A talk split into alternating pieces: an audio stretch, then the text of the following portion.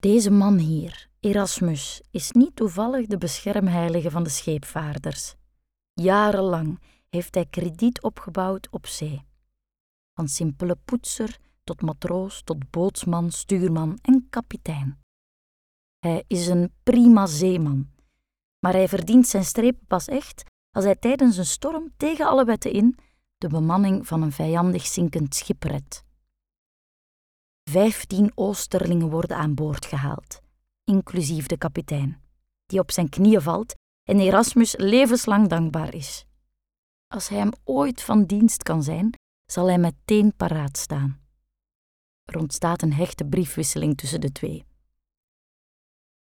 Niet lang na het voorval moet Erasmus het varen laten. Hij heeft altijd al last gehad van krampen, maar nu lijdt hij onder onophoudelijke diarree, misselijkheid, braken, kwalen van hier tot ginder.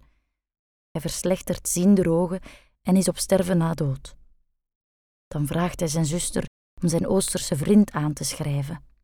En die komt met de oplossing. In het oosten staan ze op dat moment al veel verder in de wetenschap.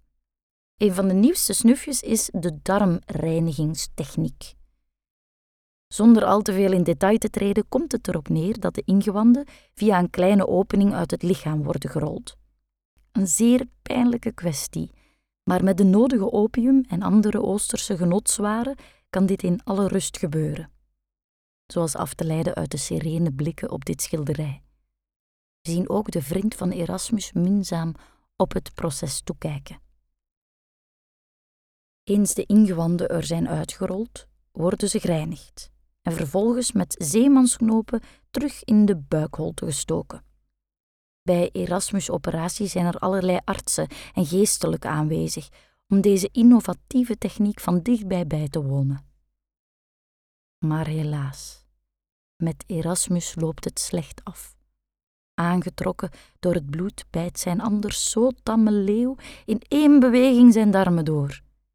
Vandaar dat deze simpele en wonderbaarlijke techniek tegen buiklast niet de bekendheid en navolging heeft gekregen die ze eigenlijk verdient.